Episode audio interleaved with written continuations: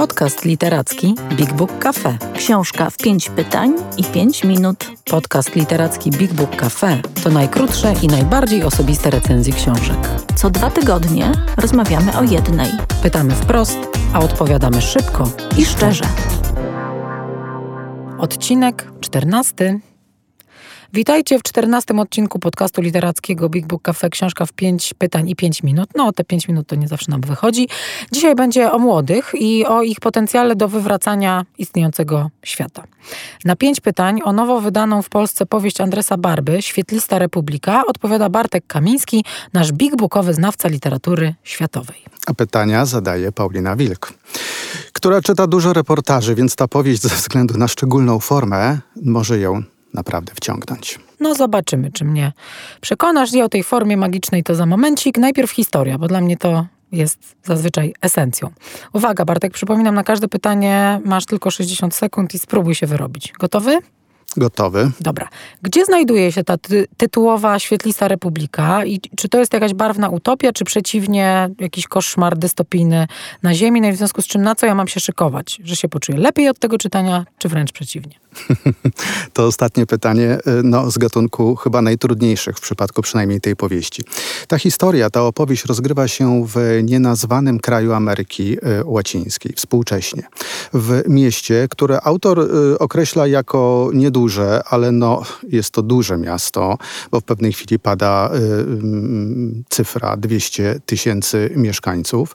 Natomiast jest to aglomeracja stosunkowo nowa, położona na skraju dżungli, dopiero co, że tak powiem, okrzepła w swoim cywilizacyjnym kształcie, już zarysowano mocną klasą średnią, ale jednocześnie jakby łącząca rozmaite wpływy, bo mamy tam rdzennych mieszkańców dżungli, Indian, którzy przychodzą, sprzedają swoje po prostu wyroby, a z drugiej strony właśnie tę dumną cywilizację, nową cywilizację. I w tej rzeczywistości pojawia się nagle grupa dzieci. Nie wiadomo skąd przyszły, posługują się nieznanym językiem i e, niejako rozsadzają tę rzeczywistość, tę strukturę społeczną od wewnątrz. Trochę mi to pachnie Singapurem, więc brzmi y, y, intrygująco. No dobrze, ale skoro y, centralnymi bohaterami tej opowieści są ludzie bardzo młodzi, dzieci, nawet nastolatki, tak, wczesne, to właściwie dlaczego Barba takich młodych bohaterów stawia w środku? Co oni mają reprezentować? To są jakieś jego nadzieje na, na bunt, na, na nową rzeczywistość? Czy to w ogóle ma jakiś związek z tym, co się teraz dzieje na świecie? Wiesz, młodzieżowy strajk klimatyczny, Extinction Rebellion. Są jakieś echa realne w tym? Barbę interesuje dzieciństwo jako okres, w którym człowiek jest jeszcze nieukształtowany, e, w którym jakby wszystko jest możliwe. Te dzieci, które jak powiedziałem, nie wiadomo skąd przyszły, nie wiadomo kim są, nie wiadomo w jakim języku się porozumiewają, ale tworzą właśnie coś na kształt wspólnoty, więc stąd tytułowa Republika. Ale dlaczego świetlista tego nie zdradza, bo byłby to potężny spoiler. Jest to naprawdę wspaniałe mhm. zwieńczenie tej całej opowieści.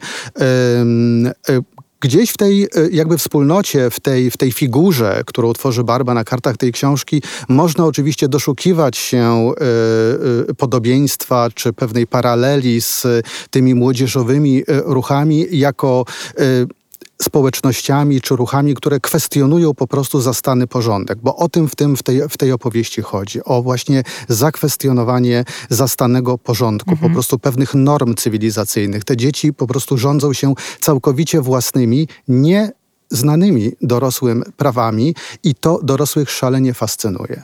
O, mnie też to zaczyna powoli fascynować. No dobrze, to jeszcze o tej formie, bo wspomnieliśmy na początku, że jest y, dosyć nietypowo skonstruowany głos narratorski w y, tej powieści. Podobno pozwala poczuć się, jakby, jakby się czytało historię prawdziwą. Opowiedz, na czym ten zabieg polega, no i czy się udał? Udał się niezwykle, to znaczy Barba ma wyjątkowy talent. Y, ta powieść łączy w sobie elementy thrillera, przede wszystkim ma formę thrillera, ponieważ narratorem jest człowiek, który opowiada tę historię po latach, właściwie u schyłku swojego życia i brał w tej y, historii związanej z dziećmi, która, no możemy zakończyć, możemy, możemy tutaj to powiedzieć, popada to w pierwszym zdaniu powieści. Zakończyła się tragicznie. Wszystkie te dzieci zginęły. E, mm, I on próbuje dojść jakby przyczyny, dlaczego tak się stało. Nie tylko skąd one się wzięły, ale dlaczego jakby wytworzyła się taka sytuacja, której poświęcona jest w zasadzie cała książka, że y, doprowadziło y, to tę historię do tragicznego finału. I ten suspens po prostu Barba buduje no, w sposób fenomenalny. My jakby poznajemy kolejne etapy, a jednocześnie jest to takie gorączkowe, no czujemy, że jakby trochę na, jakby u schyłku życia tego narratora, który brał w tych wydarzeniach udział. E, mm, jest to taka gorączkowa próba dojścia do prawdy, odszukania prawdy. On sięga do y, prac naukowych, do reportaży, do newsów z gazet, do filmów dokumentalnych, które na temat tej historii powstały, próbując jakby poskładać to wszystko w pełen obraz. Czy mu się udaje? To jest wielka zagadka tej książki. Kurczę, świetnie. To brzmi jak takie śledztwo i świadectwo w jednym. Coraz bardziej mnie to przekonuje przekonuje. No ale y, słuchaj, a kim jest właściwie Barba? No, nie będę udawała, że, zna, że znam tego autora. Nie wiem, jak ta powieść się mieści w jego dorobku. Czy on był w Polsce wcześniej przekładany, wydawany? Nie, to jest pier pierwsza książka Andresa Barby w Polsce. To jest y, pisarz, który no, w tej chwili wchodzi w wiek średni, ma 45 lat, urodził się w Hiszpanii, ale przez y, kilka lat mieszkał w Argentynie i myślę, że stąd, y, y, mimo że nie jest to powieść realistyczna, ale ta realia, czy jakby ta atmosfera, atmosfera takiej dusznej na skraju dżungli e, miejscowości opisana w Świetlistej Republice jest tak no, wspaniała i tak po prostu fascynująca i tak zawłada naszą e, wyobraźnią.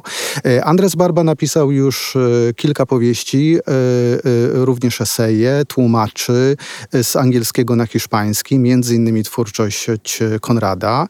Mm, jest w Hiszpanii autorem no, bardzo cenionym, uznawanym za jednego z najwybitniejszych w swoim pokoleniu.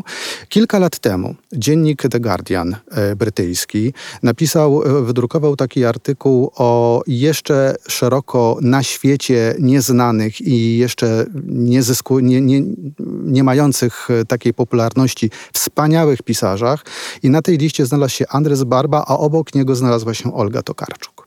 No było to, super, było czyli... to kilka, było to dosłownie ki kilka lat przed y, Bookerem, a następnie Noblem. Ja myślę, że to jest najlepsza rekomendacja. Zresztą Andresa Barbę w jego zainteresowaniach Stokarczuk y, sporo łączy. Okej, okay, dobra, to kolejny argument. Y, mm, no dobrze, jesteśmy w, se w sezonie prezentowym, nie da się ukryć. Komu byś dał tę książkę w prezencie? To znaczy, jakim trzeba być czytelnikiem, czym się interesować, co lubić, żeby to było trafne?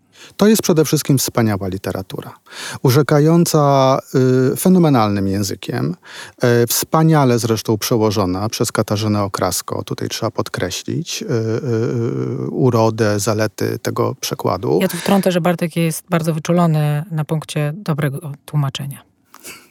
I y, tę powieść w zasadzie można by było podarować każdemu, bo to jest taka wielka parabola, Y, y, która no, przywodzi na myśl wielkie książki po prostu z przeszłości, największe w zasadzie, takie jak Dżuma, Kamisa, mhm. takie jak proces Kawki.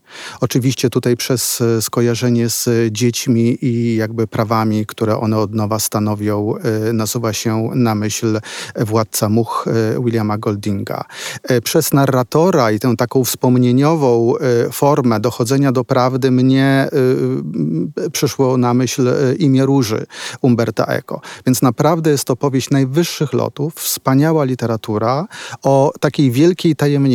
Czy jesteśmy w stanie zrozumieć, coś, e, e, co kształtuje się jakby z niczego i pozbawione jest na pozór jakby zasad e, i formy. No, Bartek, to wysoko go osadziłeś na tej półce literackiej, ale fajnie, że mówisz, że, że y, ta książka ma taki silny, uniwersalny charakter, że naprawdę może ucieszyć po prostu ludzi, którzy kochają wspaniałe czytanie.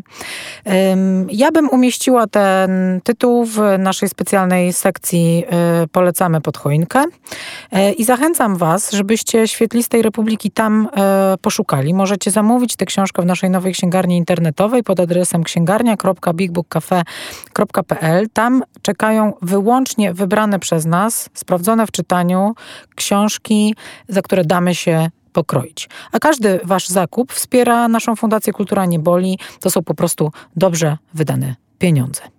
A w kolejnym odcinku podcastu polecimy Wam kolejne książki, które idealnie sprawdzą się jako prezenty na Boże Narodzenie. I pamiętajcie, nasze księgarnie, zarówno stacjonarna, jak online, są otwarte codziennie. Więcej o książkach opowiemy Wam osobiście, jeśli odwiedzicie Big Book Cafe, czyli księgarnię, kawiarnię i Centrum Wydarzeń Literackich. Wejdźcie na bigbookcafe.pl lub odwiedźcie nasz profil na Facebooku. Big Book Cafe. Czytam, Gadam. żyję.